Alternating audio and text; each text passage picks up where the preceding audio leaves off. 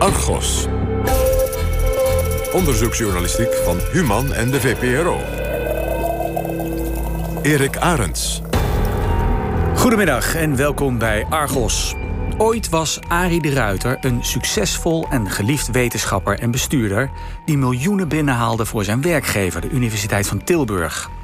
Dat ging goed, totdat in 2017 bleek dat de Ruiter zichzelf en zijn omgeving op dubieuze wijze had verrijkt. Nu, vier jaar later, lijkt de val van de voormalig decaan compleet. Vorige week stond hij voor de rechter, waar het Openbaar Ministerie twee jaar cel eiste wegens valsheid in geschriften en oplichting. Straks na half drie staan we stil bij deze strafzaak, die mede door Argos aan het rollen is gebracht. Maar eerst dit. Er zijn nieuwe ontwikkelingen in een dossier waaraan we de afgelopen twee jaar regelmatig aandacht hebben besteed. Het gaat om de activiteiten van de Iraanse geheime dienst. Activiteiten in Nederland wel te verstaan. Volgens het kabinet zit Iran zelfs achter twee moorden. En over één van die moorden doet een brisant verhaal de ronde. Ik heb het over de liquidatie in november 2017 in Den Haag van een politiek activist die door Iran als terrorist werd gezien. Een Iraanse asielzoeker zegt dat hij ruimschoots voor die moord met de Nederlandse autoriteiten heeft gesproken over de dodelijke Iraanse intenties richting Nissi. Sterker nog, het was specifiek zijn missie om de moord voor te bereiden en te plegen. Een paar dagen voor de moord trok hij naar eigen zeggen nogmaals aan de bel. Hoe zit dat allemaal precies? Nou, luistert u naar een reportage van Rick Delhaas en David Davidson, die zij maakten in samenwerking met de Deense publieke omroep DR.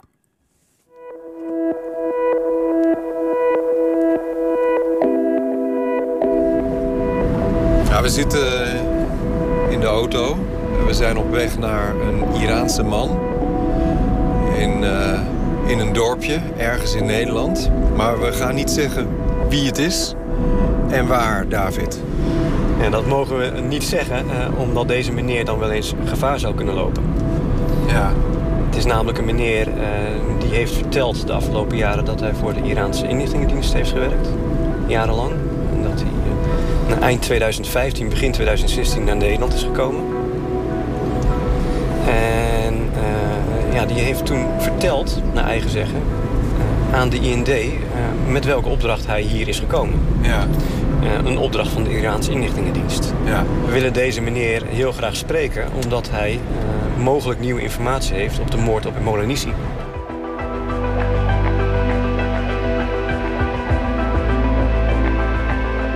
woensdag is Ahmad Molanissi daar neergeschoten. Een grote vraag voor veel mensen: was dat een politieke moord? De 52-jarige Molanissi kwam uit Iran. Hij woonde al zo'n 10 jaar in Nederland. Hij was activist. Uh, hij was voorzitter van de Arab Struggle Movement for the Liberation of Awaz. Even voor de duidelijkheid, het is een groep die streeft naar een onafhankelijke staat, Koezestan, waar Awaz dan de hoofdstad van is, in het huidige Iran. Ahmad Molanissi was vorige week woensdagmiddag in de Jan van Riebeekstraat daar in Den Haag. Toen er rond vijf uur gericht op hem is geschoten. Hij overleed even later aan zijn verwondingen daar. Na de moord op Molanissi op 8 november 2017 zoekt de politie vrijwel onmiddellijk de hulp van het publiek via het tv-programma Opsporing Verzocht. Familie en andere politieke dissidenten vermoeden dat Iran achter de moordaanslag zit. Een van zijn dochters vertelt na de moord in het programma 1 Vandaag dat er al langer sprake was van bedreigingen. Soms zelfs openlijk. Het is allemaal begonnen ongeveer in 2010. Um, toen was er ook een documentaire gekomen um, op de officiële kanaal van, van het Iraanse regime, Press TV. En uh, toen had uh, Iran duidelijk gezegd dat we weten waar de leiders van de organisatie zijn. En het is heel makkelijk voor ons om hun te pakken. In Den Haag voelde hij ook altijd dat hij wordt gevolgd. Daarom had hij ook een aantal aangiftes gedaan bij de politie. Ook advocaat Barbara van Straten, die namens de nabestaanden optreedt, vertelt aan Argos dat er al langer sprake was van bedreigingen. Er was zelfs overleg met politie en inlichtingendienst AIVD over de veiligheid van Molanissi. Ook Molanissi zelf heeft jarenlang meldingen gedaan bij de politie. Uh, van, uh, dat hij werd achtervolgd, dat ze de familie telefoontjes kreeg, anonieme telefoontjes op hun huisadres, dat er echt concrete bedreigingen waren. Hij is zelf benaderd, ook nog uh, jaren daarvoor geweest door, door medewerkers van de IVD, waarin actief is verzocht van nou stop nou met dat activisme, want ja, het is gevaarlijk. Dus blijkbaar wisten toen al de, en dan hebben we het echt over 2010, de autoriteiten in Nederland, ieder geval de IVD, dat er concrete dreigingen waren. Um, na de moord zijn er ontzettende veiligheidsmaatregelen genomen. Is iedereen zich kapot geschrokken. Maar ja, dat is veel te laat geweest, blijkt, achteraf. Halverwege 2018 besteedt Opsporing Verzocht opnieuw aandacht aan de moord op Molanissi. Er zijn dan nieuwe aanwijzingen, vertelt de politiewoordvoerder in het programma. Een criminele groepering uit Rotterdam zou mogelijk betrokken zijn bij de aanslag die hem afgelopen november in Den Haag het leven kostte.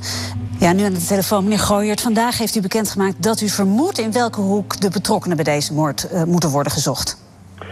Nou, we hebben inmiddels uh, aanwijzingen dat een criminele groepering in Rotterdam mogelijk betrokken is bij deze aanslag. Ook is uit onderzoek gebleken dat de vluchtauto die gestolen is in Berkel in Rodenijs... na de diefstal naar Rotterdam is gereden... wat ondersteunt dat de betrokkenen in Rotterdam gezocht moet worden. De politie heeft het dus over een criminele groepering. Terwijl de familie zeker weet dat Iran achter de moord zit. Diezelfde theorie gaat op voor een eerdere liquidatie in Almere... in december 2015 op de Iranier Ali Motamed... Voor die liquidatie worden in 2019 drie beruchte Nederlandse criminelen veroordeeld. Maar ook over die moord bestaat het vermoeden dat Iran ermee te maken heeft, zonder dat er hard bewijs is. Now, the person arrested is a Norwegian citizen of Iranian background. He was held in Sweden on October the 21st and he's been extradited to Denmark. Uh, the authorities say he was. Uh, Niet alleen in Nederland zijn er incidenten waar Iran achter zou zitten, ook elders in Europa. In Denemarken wordt in 2018 een liquidatie voorkomen op de leider van de Deense tak van de ASMLA.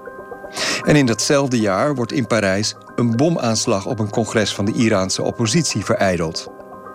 En in de afgelopen jaren is een flink aantal Iraanse spionnen gearresteerd in landen in Europa. Begin 2019 kondigde de Europese Unie sancties af tegen Iran. Toenmalig minister Stef Blok van Buitenlandse Zaken.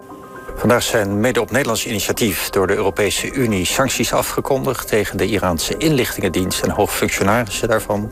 Dat betekent dat hun tegoeden bevroren worden en dat ze niet meer kunnen reizen naar Europa. Waarom neemt u die sancties? Omdat onze inlichtingendienst sterke aanwijzingen heeft dat de Iraanse overheid betrokken is bij liquidaties in Europa en in Nederland. En zulk gedrag is onacceptabel. Het opleggen van sancties door de hele Europese Unie, een van de grootste economische machtsblokken ter wereld. Dat is echt een ongekend hard signaal.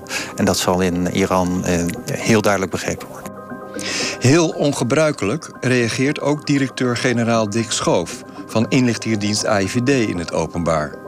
Het is niet zo dat hier uh, Iraanse agenten uh, letterlijk de mensen hebben doodgeschoten. Uh, ik moet hier praten in, in veel waarschijnlijkheden. Maar dat er allerlei verschuren tussen hebben gezeten. En daar hebben we inlichtingonderzoek naar gedaan. Wat zegt dat over hoe die Iraanse veiligheidsdiensten in Nederland opereren? Ja, dat ze offensief opereren.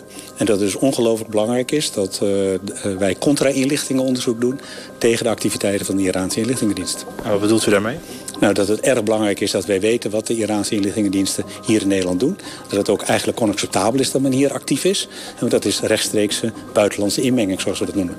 En is er veel activiteit van uh, de Iraanse inlichtingendiensten in Nederland? Nou, na twee moorden uh, op tegenstanders van het regime kan je niet anders constateren dan dat die activiteit uh, buitengewoon zorgelijk is. Je kan wel zeggen dat de Iraanse veiligheidsdiensten heel ver gaan. Ja, moorden in het buitenland is niet normaal.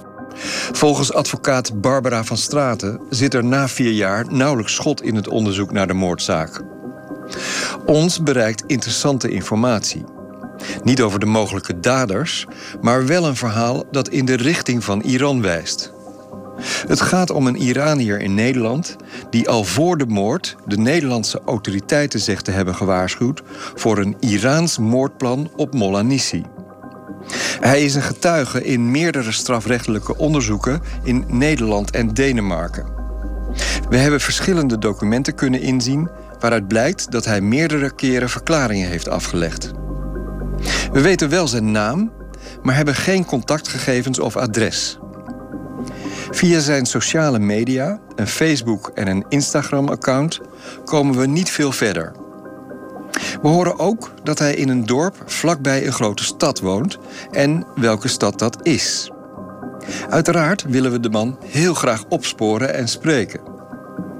Met die gegevens gaan we naar de research desk van de VPRO, die gespecialiseerd is in zogenaamd open source onderzoek. Nou, we hadden twee dingen eh, die belangrijk waren. Dat was de Facebook-account en de Instagram-account. Het Facebook-account uh, kon je kijken. Dat was, stond open. Daar staan gewoon meerdere, um, bij volgers staan er meerdere vrienden of, en of familieleden. Maar daar kwamen we niet echt veel verder mee qua adresgegevens of wat dan ook. Het was wel duidelijk dat deze meneer ook in Nederland uh, een connectie had. Dat was sowieso wel duidelijk. Het was ook heel apart dat hij in zijn profielfoto is duidelijk zichtbaar dat hij in, uh, ergens staat in Nederland, in een grote stad.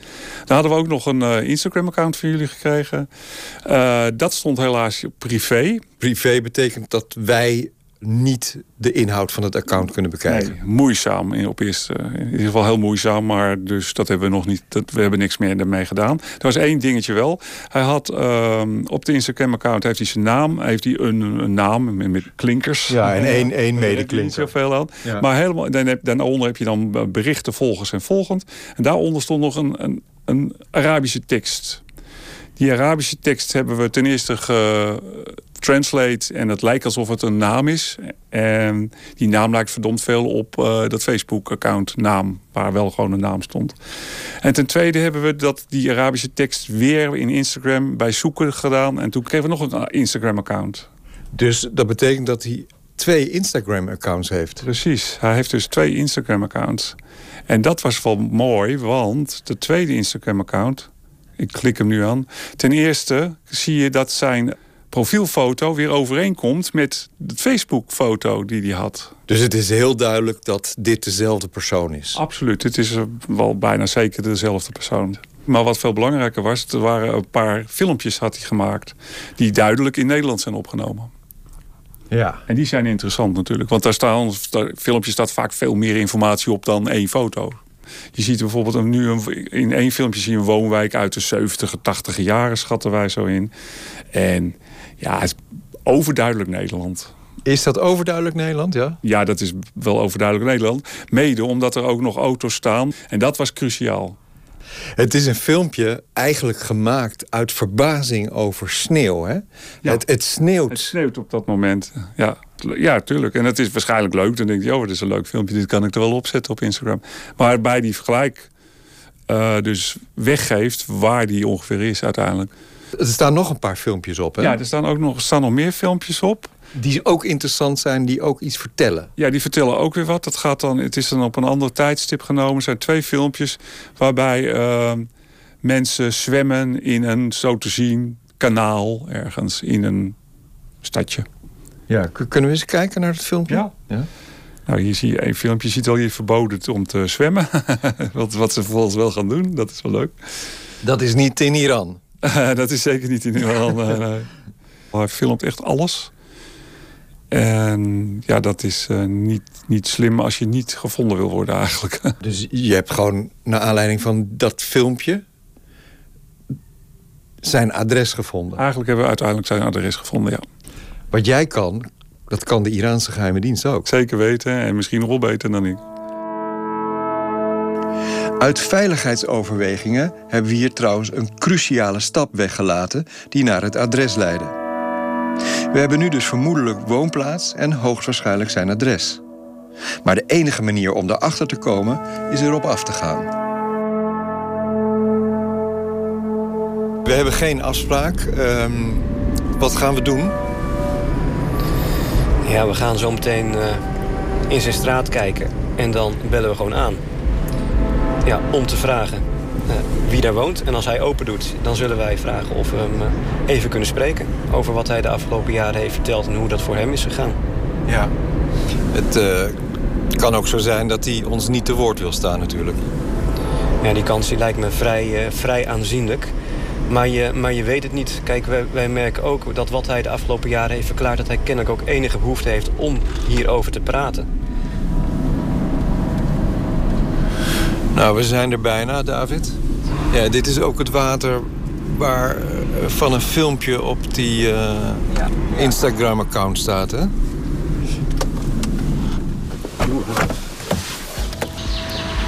Hier moet het ergens zijn, hè?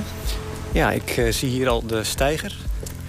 Volgens mij is dat de steiger ook die ik herken van de filmpjes. Ja. En dan moeten we nu even op zoek naar de meerpaal met de tekst verboden te zwemmen. Ja. En volgens, en mij... mij zit hij zit hier rechts. Hier zo. Ja, ik zie hem al. Ja. Ja, ja dit is precies uh, dit is de plek. Dus we weten dat we nou in de buurt zijn. Ja. En het is echt op een steenworp afstand van, van het huis ja, waar we denken dat we moeten zijn, hè? Ja, ik, ik gok 100 meter. Ja. ja.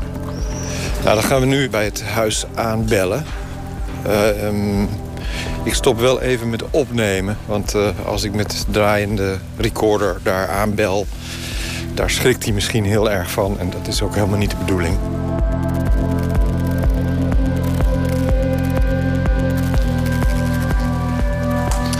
Nou, David, we hebben bij vijf deuren aangebeld. Ja, en de, de vijfde deur was het ook. Uiteindelijk. Ja, na een paar keer aanbellen hebben we hem gevonden. En hebben we ook eventjes met hem, uh, met hem kunnen praten. Hij had wel haast. Maar ja, we hebben het verhaal uh, kunnen verifiëren. Ja. Op de belangrijkste punten. En, en, wat zijn de belangrijkste punten? Nou, de belangrijkste punten is dat hij uh, vertelt dat hij met zowel de IND als de IVD heeft gesproken. En heeft verteld met welke opdracht hij naar Nederland was gestuurd. Namelijk uh, het, uh, een plan maken om Molonisi te vermoorden en dat ook daadwerkelijk uitvoeren. Dat is het allerbelangrijkste. En, ja, en wat hij ook vertelt, en wat we eigenlijk ook al hadden gehoord eerder... is dat hij een paar dagen van tevoren, notabene...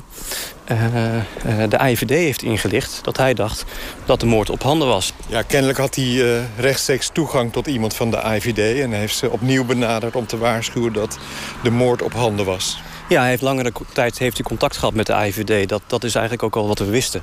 Maar hij bevestigt nu ook, ja, vlak voor de moord heb ik, heb ik contact opgenomen en heb ik dat verteld. En het wordt ook duidelijker nu uh, waarom hij dat deed. Het is namelijk dat hij kennelijk was gebeld met de vraag of hij het huis van Molonisi kon fotograferen. De ingangen, de uitgangen, de omgeving. Eigenlijk wat we in andere dossiers ook al wel hebben gezien. dat ze ja, kennelijk van tevoren goed vastleggen hoe zo'n omgeving eruit ziet. Ja. Hey, en hij uh, heeft ook uh, zijn verhaal gedaan bij binnenkomst, hè, bij de immigratiedienst, de IND. Ja, ogenblikkelijk. Uh, eigenlijk vertelt hij gewoon dat hij dat op zo ongeveer dag 1 heeft gedaan. Heeft hij het verteld. het zou ook vastliggen in het, in het dossier zelfs. Hoe zijn wij nou precies bij hem terechtgekomen? Kijk, wij doen al een hele tijd onderzoek uh, uh, naar wat Iran doet in Nederland en in Europa. Is begonnen met de moord op Molonisi. Zo hebben wij contact gehad met uh, ja, de mensen in die groepen. En daar deed dit verhaal de, de ronde uiteindelijk. In ons onderzoek bleek dat er iemand was in Nederland die verklaarde dat hij naar Nederland was gestuurd met een moordplan. Nou, en daar hebben we onderzoek naar gedaan. En wij hebben dus eigenlijk kunnen vaststellen dat, dat die persoon ten eerste bestaat... en ten tweede dat hij inderdaad meerdere keren hetzelfde verhaal heeft verteld. Heel consistent ook. En uh, ja, daar was vandaag eigenlijk de bevestiging van. We hebben hem nu uh, zelf gesproken. En hij vertelt hetzelfde verhaal. Ja. En zijn verklaring speelt ook een rol in een aantal rechtszaken. Ja, klopt. Uh, we gaan niet zeggen welke rechtszaken. Uh, maar dat speelt in meerdere Europese landen. In ieder geval in Nederland en in, uh, en in Denemarken. En het gaat om meerdere verklaringen. En wat ik al zeg, ja, hij vertelt iedere keer consistent hetzelfde verhaal. En dat eigenlijk al een paar jaar. We leggen de verklaringen van de Iraanse man voor aan Barbara van Straten. De advocaat van de nabestaanden. Ja, de familie is natuurlijk ontzettend geschokt door die informatie. Dat is verschrikkelijk om te horen. Moet je nagaan dat uh, jouw vader of jouw moeder is geweest... Die, die is doodgeschoten en dat dan achteraf blijkt dat er informatie was... dat dat bekend had kunnen zijn en dat er mogelijk uh, voorzorgsmaatregelen hadden kunnen worden getroffen. Helaas is het ook een bevestiging van wat de familie al die tijd heeft gezegd. Namelijk dat er een hele concrete dreiging was vanuit Iran naar meneer Nissi toe. Ook Molanisi zelf heeft jarenlang meldingen gedaan bij de politie. Uh, van, uh, dat hij werd achtervolgd, dat ze de familie telefoontjes kreeg, anonieme telefoontjes op hun huisadres. Dat er echt concrete bedreigingen waren. Hij is zelf benaderd, ook nog uh, jaren daarvoor geweest door, door medewerkers van de IVD. Waarin actief is verzocht van nou stop nou met dat activisme. Want ja, het is gevaarlijk. Dus blijkbaar wisten toen al de, en dan hebben we het echt over 2010, de autoriteiten in Nederland, in ieder de IVD, dat er concrete dreigingen waren.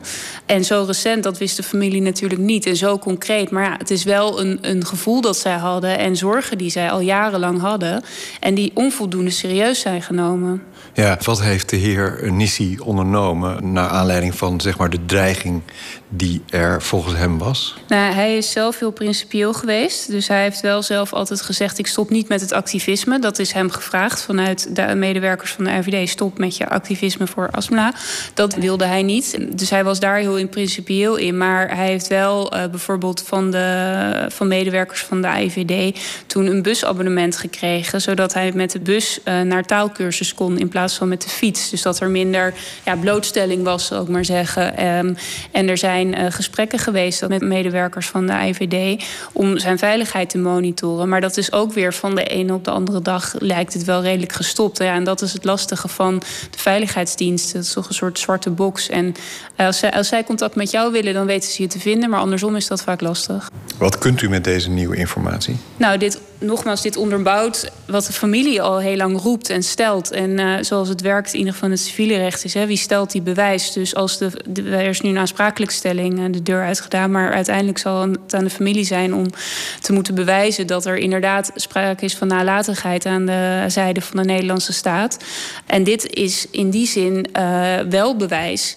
Er is hier een getuige die zegt: Ik heb melding gedaan bij de autoriteiten, die bereid is om daarover te verklaren. En die, die, die getuigenissen zijn blijkbaar ook bekend nu bij de Nederlandse staat. Ja, u zegt: uh, We hebben een aansprakelijkheidsstelling de deur uitgedaan. Wat is dat? Wat houdt dat in? Dat is kort gezegd, zeggen wij, hè, Nederlandse staat, namens de familie spreken we u aan op uw verantwoordelijkheid. Uh, ten enerzijds dat u meer had moeten doen om de moord te voorkomen. Namelijk, u was op de hoogte van de dreiging en u heeft onvoldoende veiligheidsmaatregelen genomen. Als staat, als overheid heb je de plicht om je eigen burgers te beschermen.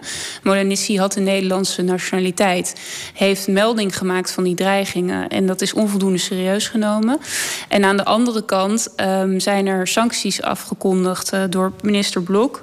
Waarbij er is gezegd: hè, Nederland heeft concrete aanwijzingen dat Iran achter die aanslag zat. En de familie heeft dat destijds uit de pers moeten vernemen. Dat die sancties daarom waren aangekondigd. En tot op de dag van vandaag is niet duidelijk waar de Nederlandse overheid dat nou op baseert. Zij hebben blijkbaar concrete informatie die voldoende was om die sancties in Europees verband te gaan afkondigen. Dus blijkbaar weet de Nederlandse overheid voldoende zeker dat Iran achter deze moord zat, dit gepland heeft.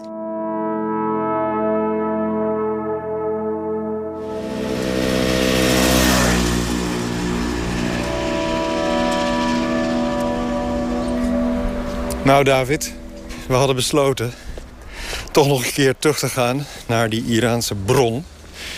Um, ja, want we wilden zijn uh, dossier, zijn IND-dossier in kunnen kijken. Hè? Kijk, wat we nu weten is dat hij vertelt dat hij zijn verhaal heeft gedaan aan de IND. Ruimschoots voor de moord op Nissi. Dus dat hij heeft verteld, nou, ik ben hier naartoe gestuurd. Uh, met als opdracht om die moord voor te bereiden. En uiteindelijk dus ook te plegen. Ja. Alleen, uh, wij willen dat graag ook zelf even vaststellen. Dat is wat we nu gaan doen. We gaan hem vragen of hij ons zijn dossier kan laten zien. Zodat wij kunnen checken dat in zijn eerste gehoor dat hij heeft gehad... bij die IND, dat hij ook daadwerkelijk vertelt over, uh, nou ja, over zijn opdracht. En dan is vooral ook de datum van dat eerste gehoor belangrijk. Ja, dat klopt. Hij heeft gezegd, meteen bij binnenkomst in Nederland heb ik dit aan de IND verteld. Dus wij gaan inderdaad kijken of dat uh, nou ja, eind 2015 of begin 2016 al is geweest.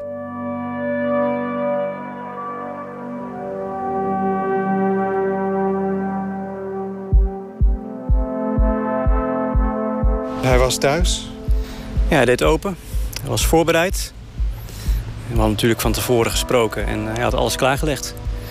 En uh, ja, wat wij wilden lezen, dat was zijn allereerste gehoor bij de IND. En daar stond het inderdaad in. Hij heeft daar verteld wat wij ook al eerder hadden gehoord. Uh, namelijk dat hij hier naartoe was gestuurd met als opdracht uh, Molonici van het leven te beroven. Uh, maar heeft het, wat opviel is dat hij het niet één keer heeft verteld, maar eigenlijk twee keer. Eentje, één verklaring is geweest van mei 2016. Maar hij heeft het daarna nog een keer verteld in een aanvullend gehoor. en dat was in april 2017. Dus ja, beide verklaringen zijn dus van ruimschoots voor de daadwerkelijke moord. Ja. Zijn we ook meer te weten gekomen over de werkwijze en wat, wat het plan nou precies was? Ja, wel eigenlijk nog wel iets meer dan we al hadden gehoord. En dat gaat er vooral over uh, ja, dat kennelijk de Iraanse dienst... dus volgens, uh, volgens deze meneer het plan had om het erop te laten lijken... dat uh, ja, iemand van een stam in Iran iemand anders van een andere stam in Iran om het leven zou brengen. Dus dat de Iraanse dienst zelf een beetje buiten beeld bleef. Ja. Hij is gerecruiteerd als informant voor de geheime dienst. Hij moest klussen voor hem en uitvoeren. Maar ik heb niet de indruk dat hij ook werkelijk toen hij eenmaal in Nederland was... nog voor hen gewerkt heeft, hè? Nee, dat is wat hij voortdurend ontkent. Hij zegt, uh, nou, ik heb geen informatie doorgespeeld. Uh, ik heb nooit het plan gehad om daadwerkelijk uh, te vermoorden... of een plan te maken om hem om het leven te brengen. En wat opvalt in, in, in deze gehoren, die we nu dus voor het eerst hebben gezien... is dat hij zelf zegt op een gegeven moment van als het zou gebeuren... dan zou ik hem eigenlijk met mijn leven beschermen. Dan zou ik ervoor springen. een iets andere formulering. Uh, maar dat is wat hij erover zegt. Ja. Wij hebben deze kwestie ook, uh, over deze zaak ook voorgelegd aan de IND en aan de AIVD. Wat hebben die geantwoord? Nou ja, eigenlijk heel simpel. Dat zij niet ingaan op individuele casussen. En bij de AIVD was het zelfs zo dat ze erbij zeiden... we gaan niet in op deze specifieke individuele casus. En waarom is dat zo opvallend, specifiek? Nou ja, kijk, dat duidt er natuurlijk op dat men bekend is met deze kwestie. En dat men er niks over zegt. Dit is dus geen, uh, wat ik eruit opmaak is dat het geen onbekend verhaal is. En de IND? IND zegt gewoon, wij gaan helemaal niet op dit soort kwesties in. We hebben ze ook nog gevraagd van, goh, hoe gaan jullie met dit soort informatie om? Die ja, gewoon toch over de veiligheid of misschien wel de veiligheid van een Nederlandse staatsburger gaat. Ja, daar, is een, uh, daar hebben wij antwoord op gekregen, dat wel. Uh, daar is een keurig nette meldprocedure voor. Uh, ja, worden er dingen gezegd die de veiligheid van de staat of van de mensen in Nederland kunnen raken... Dan moet dat worden gemeld. En dat kan dan terechtkomen bij de politie of de veiligheidsdiensten, de inlichtingendiensten. Kijk, en de grote vraag uh, in dit verhaal is natuurlijk van... Ja, is dat hier gebeurd? Lijkt er sterk op van niet. Uh, maar die vraag die wij hebben gesteld natuurlijk aan IND... die gaan ze niet, niet beantwoorden. Tot slot leggen we onze informatie voor aan veiligheid- en inlichtingenexpert Jella van Buren van de Universiteit Leiden. Nou, dit is toch wel vrij spectaculaire informatie. Die het verhaal, dat natuurlijk eigenlijk al één groot spionageverhaal was, inclusief liquidaties, nog eens een extra dimensie geeft. Namelijk, wat wisten de Nederlandse autoriteiten hiervan? Die vraag is natuurlijk vaker gesteld. Dit is toch weer een puzzelstukje wat erbij is gekomen. En wat toch wel heel erg erop duidt dat de Nederlandse autoriteiten van tevoren wel degelijk over informatie beschikten. Dat er moordplannen waren tegen deze meneer. Ja, maar dan zou je zeggen, uh, dan moet de Nederlandse overheid ook daarop acteren. Het is onduidelijk waarom dat niet is gebeurd. We kunnen er wel enige verklaringen voor aandragen, mogelijke verklaringen. Op een gegeven moment is in de hele asielprocedure aandacht gekomen voor hoe signalen die duiden op een bedreiging voor de nationale veiligheid van de IND naar de inlichtingendiensten en de politie gestuurd kunnen worden.